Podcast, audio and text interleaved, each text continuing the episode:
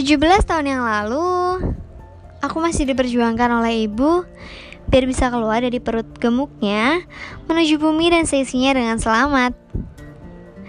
Setelah berhasil keluar dari perut ibu nih, aku masih tergantung banget sama ibu. Masih minum susu ibu, masih gak bisa lepas dari pelukan ibu, dan pastinya masih nyusahin ibuku terus. Seiring berjalannya waktu, aku mulai menjadi balita. Bayi bawah lima tahun yang kalau sekolah masih ditemenin ibuku lagi. Aku lupa dulu rasanya gimana ngerepotin ibu. Padahal ngerepotin banget kan? yang aku ingat dulu waktu kita zaman TK dan SD, kita masih senang-senangnya nih ngadain cherry bell, Smash, sama Seven Icon. Nah, pas masa-masa SD ini, aku ngerasa udah gak terlalu tergantung sama ibu. Karena udah bisa jalan sendiri, udah bisa minum sendiri. Ya, walaupun belum 100% gak ngerepotin. Kalau di masa TK kita masih dipilihin sekolah sama orang tua, dan di masa TK kita juga bisa yang gambar dan mewarnai. Di masa SD ini kita udah diajarin nih gimana caranya berjuang. Berjuang buat ngadepin ujian, try out, ulangan harian yang kita sendiri yang nentuin di mana kita bakal ngelanjutin SMP walaupun masih belum terlalu serius sih. Dulu SD kayaknya aku semangat gitu sekolah. Saking semangatnya bisa dibilang dulu aku kayak smart people gitu. dulu pasti dapat ranking entah 2, 4 atau 8. Ya, pokoknya dapat ranking. Tapi aku sendiri nggak ngerasa kalau aku pintar. Nah, tapi Dulu tuh aku paling sebel banget kalau lihat temanku yang nyontek gitu. Aku marah. Dia pasti bakalan aku marahin. Aku bakalan ceramahin. Terus kayak bawa-bawa apa sih moral-moral gitu, nilai moral gitu. pasti nggak enak kan punya teman kayak gitu. Dan sekarang SMA kayak aku ngerasa smartku di mana ya dulu. Nah, lama-lama sampai deh di masa-masa akhir SD. Di mana kita ngelewatin tryout, ujian, buat persiapan masuk ke SMP. Nah, tapi itu masih kayak santuy itu, nggak terlalu yang serius mikirin kayak gitu sih. Nah, setelah itu masuklah kita di tahap kita harus nentuin pilihan kamu mau SMP mana nanti? Di masa itu, menurutku semua SMP itu sama aja. Sama-sama bagus, gak ada yang lebih unggul gitu. Nah, di SMP ini aku mulai serius, terus mulai nata kegiatan, ikut organisasi, terus kayak lebih sibuk gitu di sekolahan.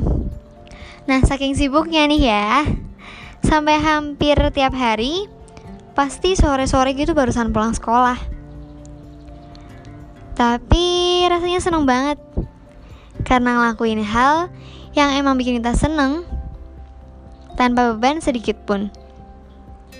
Tiap hari nih ya kalau SMP sekolah tuh kayak semangat gitu. Ketemu teman kakak kelas adik kelas guru dan banyak anak organisasi ya yang bikin semangat sekolah ya mereka.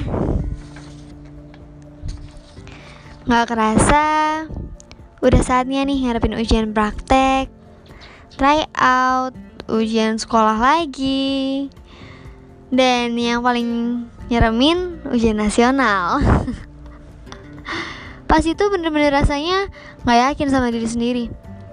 Nggak pernah belajar jadi kayak kelas 9 tuh masa-masa aku yang udah malas belajar terus nggak serius gitu. Tapi ternyata udah pernah sih kayak belajar gitu belajar lagi. Nah tapi di nilai tryout itu nggak pernah bagus. Masih di bawah aja mulu nggak pernah naik. Dan sampai-sampai tuh mikir ini kalau nilai tryout aku segini terus nanti aku SMA-nya di mana? Saya mikir kayak gitu. Karena saking nggak bagusnya. Dan hari ujian nasional pun tiba. Doanya dikencangin terus sholatnya dikebutin terus. Akhirnya sampailah kita di masa SMA pertama masuk pendaftaran SMA bingung banget nih. Mau milih SMA di SMA di mana dan waktu itu sih aku nggak terlalu berharap banyak sama SMP eh sama SMA aku sekarang. Ya tahu diri aja gitu. Saingan masuk SMA ini lebih ketat lagi. Udah nggak kayak SMP dan jangkauannya lebih luas. Nah nggak kerasa proses pendaftaran udah berlalu nih. Tinggal nungguin jurnal tiap hari terus liatin urutan keberapa nih aku hari ini?